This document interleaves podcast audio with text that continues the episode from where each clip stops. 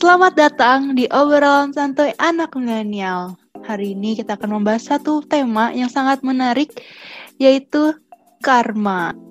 Tapi sebelum kita mulai ke podcast kita hari ini, aku akan memperkenalin dulu nih teman aku ada Abraham. Hai Abraham. Halo. Halo, halo. Dan bersama kakak pembicara kita yang sangat kece, yang paling ditunggu-tunggu ada Koko Ivan. Hai Koko Ivan. Halo, paling bisa uh. nih Olive nih, paling bisa. Hmm, kan udah belajar dari Abraham kok. Jangan gitu dong. Oke. Gimana nih kalian tentang tema yang akan kita bahas hari ini? Gimana Bram, lu sendiri tahu nggak sih apa itu karma? Karma itu uh, setahu saya adalah uh, gimana ya? Mungkin sebenarnya dia nggak tahu tapi berusaha merangkai kata. iya, iya, kelihatan banget nih. Itu kan modal dia sebenarnya. modal mendekati cewek. Enggak dong. Aduh. Jadi mirip ini ya, kayak apa sebab akibat gitu. Hmm. Mirip gak? Mirip, mirip, mirip. Tapi lu sendiri percaya nggak nih Bram sama sebab akibat ini? Kurang percaya kalau saya. Loh, kenapa? Karena kita Kristen tidak mempercayai hukum karma ya. Nah. Oke, okay, podcast kita selesai. Oh enggak teman-teman. Boleh lah Bram. Cuman gini nih ya, ini sebagai pembina tugasnya saya harus nanyain. Uh, kamu betul ya punya punya punya stand position yang benar. Tapi masalahnya kamu sendiri kadang nggak ngerti kenapa kamu punya stand position kayak gitu. Bener gak? Betul, betul. Nah, iya ya. Jadi apa yang kamu mengerti sebenarnya? Tidak ada cuma percaya dong ya cuma percaya cuma nggak denger doang ya eh woi kita orang Kristen nggak kenal karma ya mm -mm boleh lah. Boleh. Dan hari ini akan dijelaskan begitu kan ya. Iya. iya. Untung ya. ada podcast. Hmm. hmm. Jadi begini teman-teman. Pemikiran-pemikiran tentang karma ini uh, kenapa misal uh, munculnya juga di kita juga ada begitu karena memang ada yang mirip-mirip ya. Contohnya apa? Contohnya nih di dalam Galatia ya Galatia pasal yang ke-6 ayat 7b disuruh bilang ini ya karena apa yang kamu tuh apa yang ditabur orang itu juga yang akan dituainya seperti karma bukan? Terus di Ayub 4 ayat 8 dia bilang ini ya, orang yang membajak kejahatan dan menabur kesusahan, ia menuainya juga. Terus kemudian lebih lebih heran lagi Tuhan Yesus aja ngomong gini ya, di Matius 26 ayat 52. Maka kata Yesus kepadanya, masukkan pedang itu kembali ke dalam sarungnya, sebab barang siapa menggunakan pedang akan binasa oleh pedang. Ya, seakan-akan kan itu bilang ini ya, kalau lu uh, naburnya pedang ya lu nanti bakal dapat pedang ya sekarang pertanyaannya uh, Tuhan Yesus sendiri ngomong gitu begitu kan ya uh, berarti Tuhan Yesus sendiri mengindikasikan ada adanya karma begitu ya. Nah teman-teman mari kita pahami bahwa karma itu bukan berasal dari ajaran Tuhan Yesus ya. Tuhan Yesus itu mengajarkan yang serupa tapi tidak sama. Oke ya, serupa tapi tidak sama. Maksudnya apa? Ada ada prinsip-prinsip yang mirip tetapi ada hal-hal yang mendasarinya yang berbeda. Sekarang yang miripnya dulu. Yang miripnya apa? Apa yang kamu lakukan, itu yang kamu akan terima. Nah, teman-teman ini biasanya dikenal juga di dalam dunia sekuler the golden way ya. Kalau kamu mau memperoleh sesuatu, ya lakukan dulu, begitu kan ya. Uh, itu golden way, begitu ya. Nah, sekarang yang membedakan apa? Teman-teman, karma itu ada di dalam pemahaman reinkarnasi. Maksudnya apa? Di dalam pemahaman saudara kita, mereka mempercayai begini, apa yang diperbuatnya sekarang itu akan berdampak pada kehidupannya kelak ketika dia berreinkarnasi. Sekarang pertanyaannya adalah reinkarnasi itu apa? Begitu kan ya. Nah, di KBBI sini dibilang reinkarnasi itu penjelmaan kembali ke dalam tubuh setelah mati. Ya, jadi intinya Abraham nih sekarang mati. Nanti nanti eh, eh jangan amit-amit ya. Oh, ganti, iya. ganti ganti ganti ulang ulang ulang.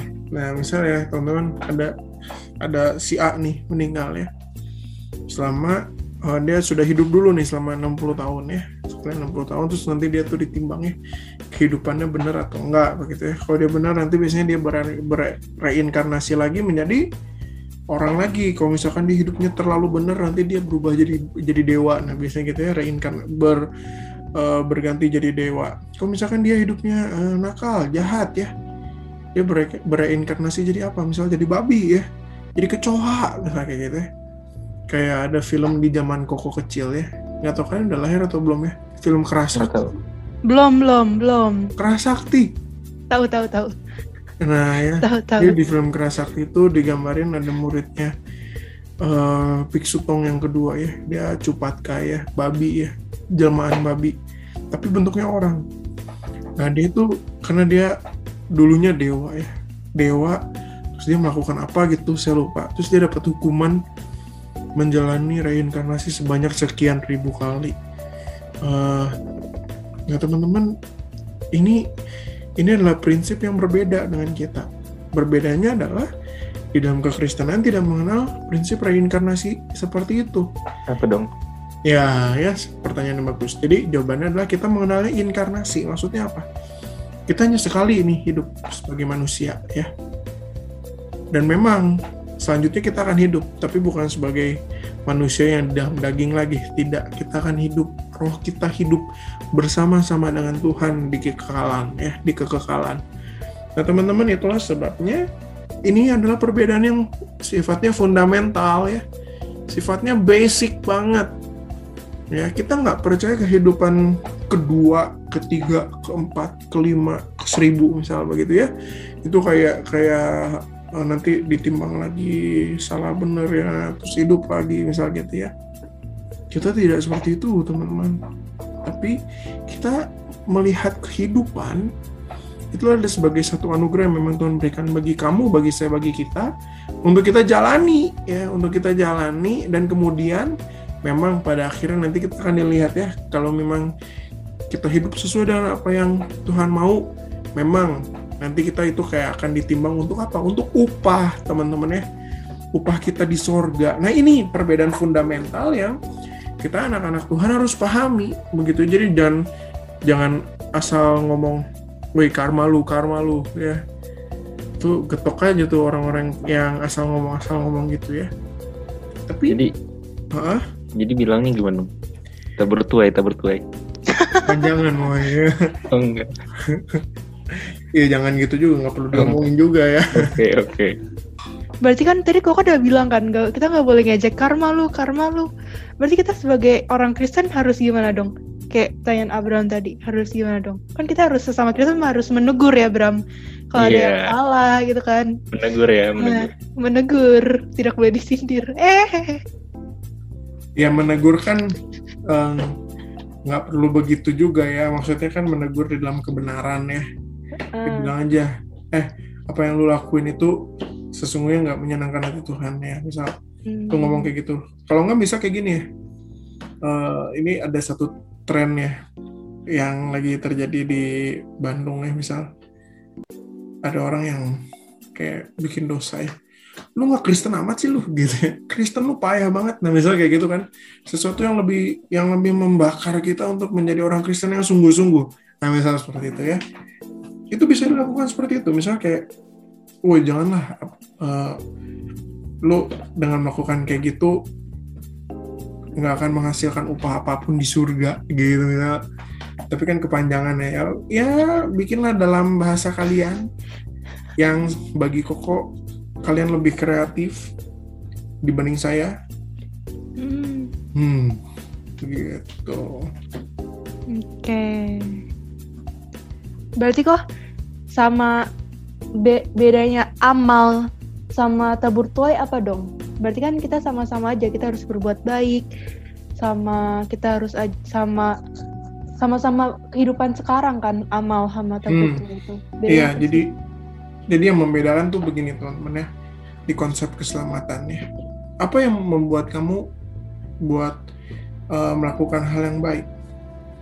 Kalau misalkan di dalam prinsip karma itu supaya di dalam kehidupan yang selanjutnya kamu tidak akan uh, susah hidupnya Tapi teman-teman berbeda dengan kekristenan.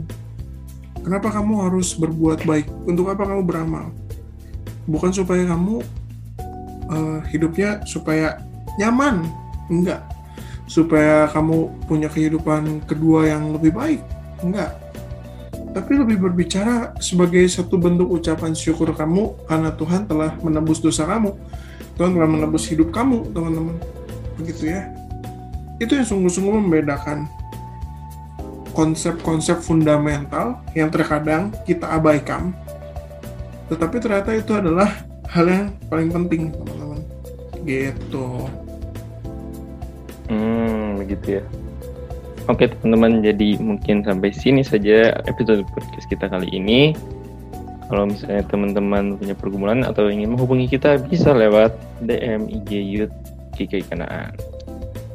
Terus teman-teman jangan lewatkan juga episode-episode podcast kita berikutnya di minggu-minggu yang akan datang yang pastinya akan membahas hal-hal menarik. Dan kita ada satu pengumuman penting nih yang bakal seru banget. Nah, yaitu adalah kita akan mengadakan virtual youth camp, teman-teman. Nah, ini tuh akan ada di bulan Juli. Untuk info lebih lanjutnya akan diberikan pada waktu yang akan datang. Jadi mungkin sampai situ aja. Terima kasih sudah mendengarkan podcast kita pada hari ini. Bye bye. Bye bye. Thank you guys.